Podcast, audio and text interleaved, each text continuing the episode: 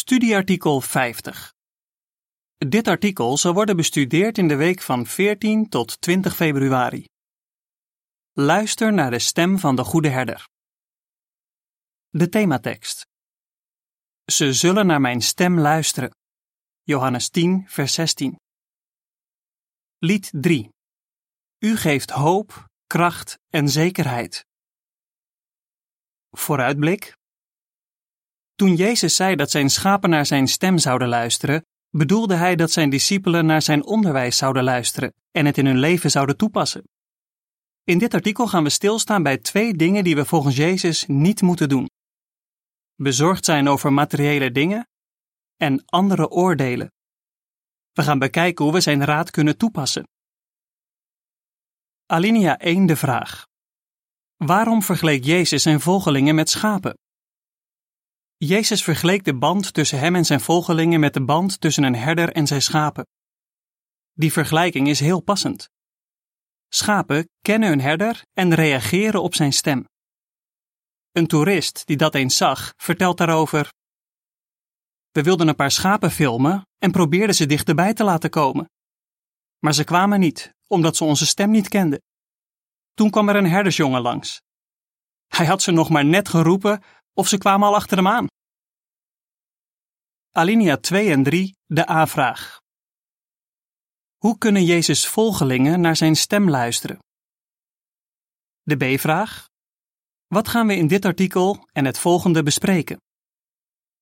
De ervaring van die toerist doet ons denken aan Jezus' woorden over zijn schapen, zijn discipelen. Hij zei: Ze zullen naar mijn stem luisteren. Johannes 10, vers 16.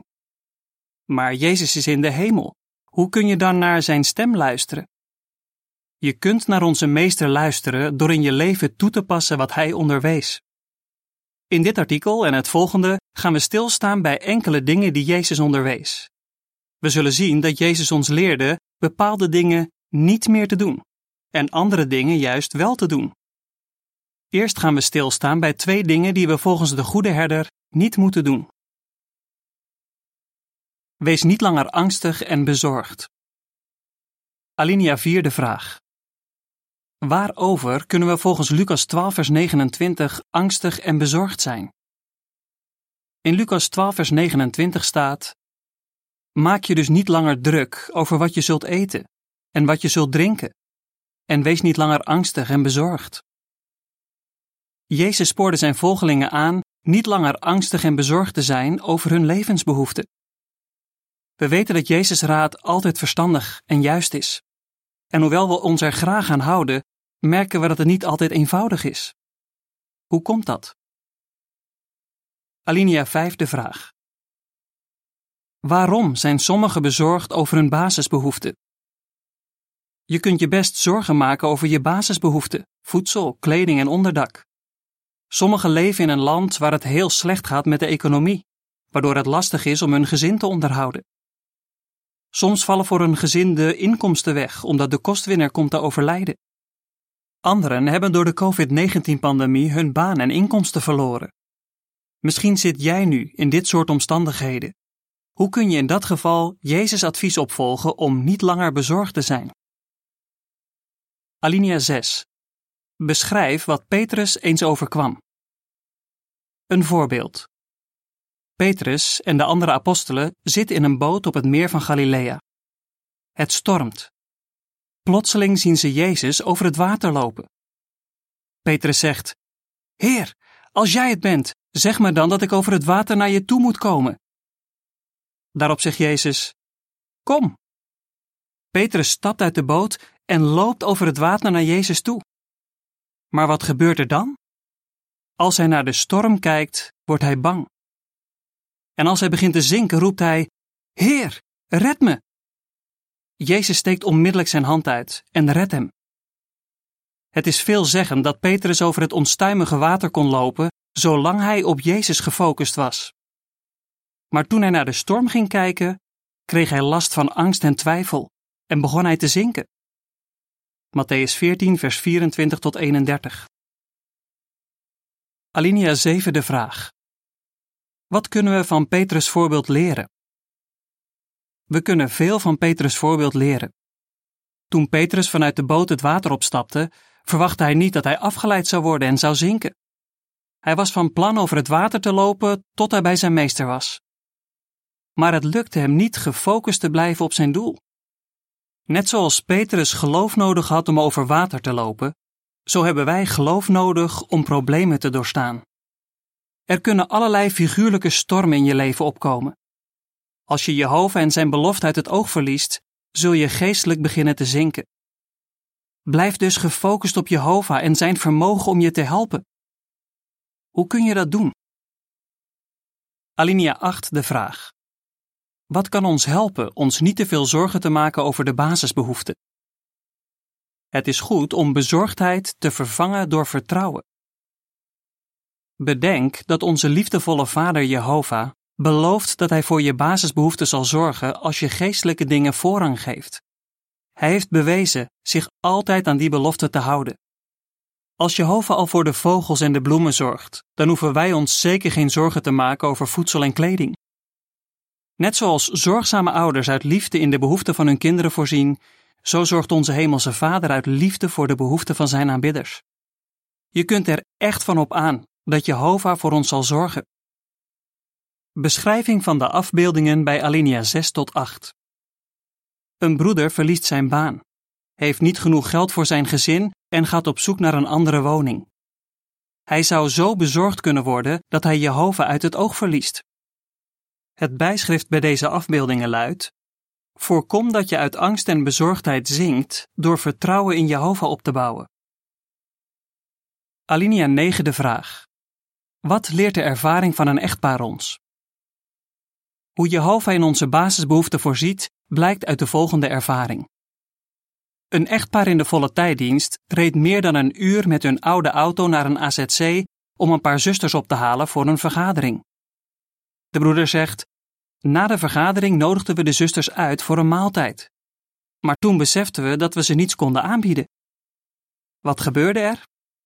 Toen we thuis kwamen, stonden er twee grote tassen met boodschappen voor de deur. We wisten niet wie ze daar had neergezet. Jehovah heeft voor ons gezorgd. Een tijd later kreeg het stel autopech. Ze hadden hun auto nodig voor de dienst, maar ze hadden geen geld om hem te laten repareren. Toen ze de auto naar een garage brachten, kwam er een man binnen die vroeg: Van wie is die auto? De broeder zei dat het zijn auto was, maar dat hij gerepareerd moest worden. Dat maakt me niks uit, zei de man. Mijn vrouw wil graag zo'n auto, precies in die kleur. Hoeveel wil je ervoor hebben? De broeder hield er genoeg geld aan over om een andere auto te kopen. Zijn conclusie? Ik hoef niet uit te leggen hoe we ons aan het eind van de dag voelden. We wisten gewoon dat het geen toeval was. Het was Jehovah's hand. Alinea tiende vraag. Hoe moedigt Psalm 37 vers 5 ons aan niet bezorgd te zijn over onze levensbehoeften? Als je naar de goede herder luistert en niet te bezorgd bent over je basisbehoeften, kun je er zeker van zijn dat Jehovah voor je zal zorgen. In Psalm 37 vers 5 staat: Vertrouw je weg toe aan Jehovah. Verlaat je op Hem en Hij zal het voor je opnemen. Denk nog eens aan de situaties die in alinea 5 zijn beschreven. Tot nu toe heeft Jehovah misschien een gezinshoofd of een werkgever gebruikt om in je behoeften te voorzien. Als het gezinshoofd dat niet meer kan, of je je baan verliest, zal Jehovah wel op een andere manier voor je zorgen. Maar hoe dan ook, zal Hij voor je zorgen. Laten we nu eens kijken naar iets anders dat je volgens de goede herder niet meer moet doen. Houd op met oordelen. Alinea 11 de vraag. Waar moet je volgens Matthäus 7 vers 1 en 2 van Jezus mee stoppen? En waarom kan dat een uitdaging zijn? In Matthäus 7 vers 1 en 2 staat: Houd op met oordelen, zodat je niet geoordeeld wordt. Want met het oordeel waarmee jij oordeelt, zul je geoordeeld worden. En met de maat waarmee jij meet, zul je gemeten worden. Jezus wist dat onvolmaakte mensen vaak gefixeerd zijn op de fouten van anderen. Vandaar dat hij zei: Houd op met oordelen. Misschien doe je moeite om je broeders en zusters niet te oordelen, maar we zijn allemaal onvolmaakt. Wat moet je doen als je merkt dat je soms kritisch bent? Luister naar Jezus en doe je uiterste best om op te houden met oordelen. Alinea 12 en 13e vraag. Wat leert Jehovah's kijk op David ons over het ophouden met oordelen? Het is goed te mediteren over het voorbeeld van Jehovah. Hij is gefocust op het goede in mensen.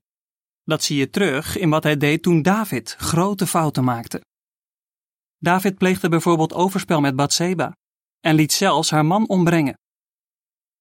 Dat had niet alleen negatieve gevolgen voor hemzelf, maar ook voor de rest van zijn gezin, onder wie zijn andere vrouwen.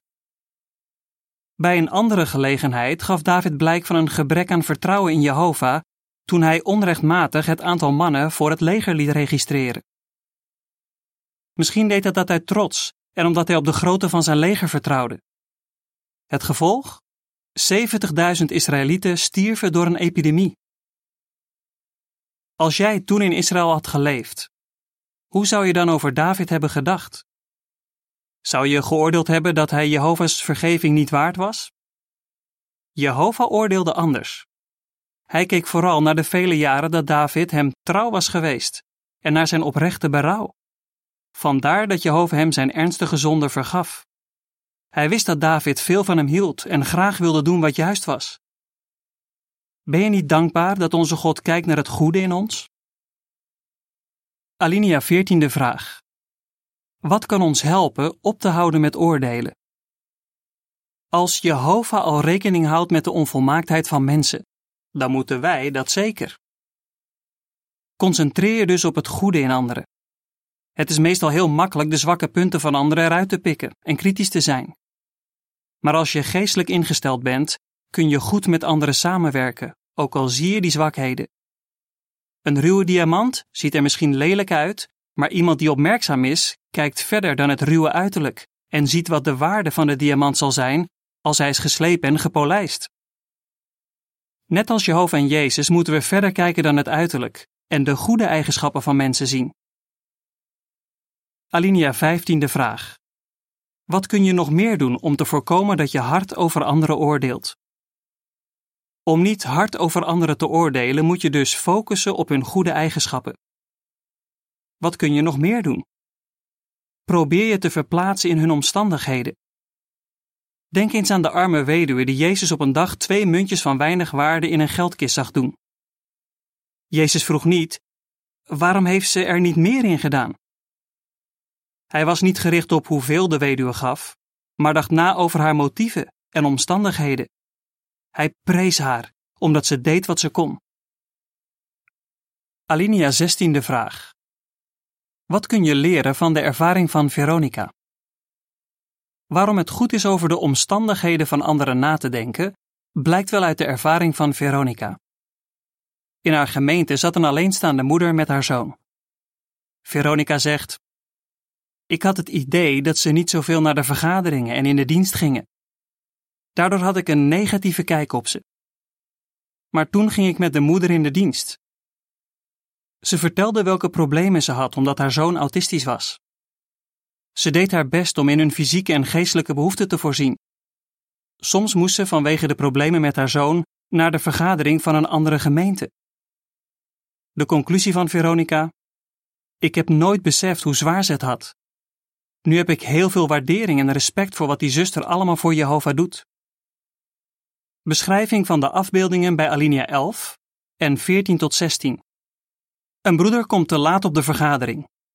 Aan de andere kant geeft hij blijk van goede eigenschappen als hij informeel getuigenis geeft, hulp biedt aan een oudere en hard werkt om de koninkrijkszaal representatief te houden.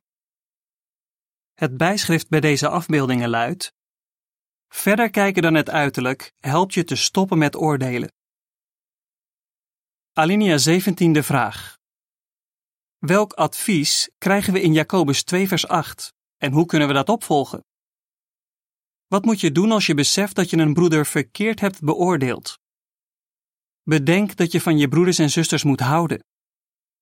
In Jacobus 2 vers 8 staat: Het is heel goed als jullie je houden aan de koninklijke wet, zoals die staat in het schriftgedeelte: Je moet je naaste lief hebben als jezelf.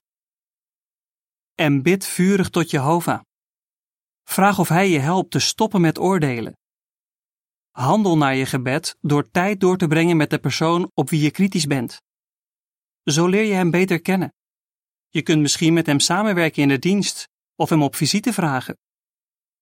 Probeer Jehovah en Jezus na te volgen door je te concentreren op het goede in hem. Op die manier laat je zien dat je luistert naar het gebod van de goede herder om op te houden met oordelen. Alinea 18e vraag. Hoe laat je zien dat je luistert naar de stem van de goede herder? Volgelingen van Jezus luisteren naar zijn stem, zoals schapen naar de stem van hun herder. Doe dus je best om niet meer bezorgd te zijn over je levensbehoeften en anderen niet meer te oordelen. Jehovah en Jezus zullen je inspanningen zegenen. Blijf luisteren naar de stem van de goede herder, of je nu bij de kleine kudde hoort of bij de andere schapen. In het volgende artikel gaan we stilstaan bij twee dingen die we volgens Jezus juist wel moeten doen. Wat zou je antwoorden? Wat kun je doen om niet langer bezorgd te zijn over je basisbehoeften? Wat kan je helpen ermee op te houden anderen te oordelen? Wat heb jij aan de bespreking van dit artikel gehad? Lied 101. In eenheid samenwerken. Einde van het artikel.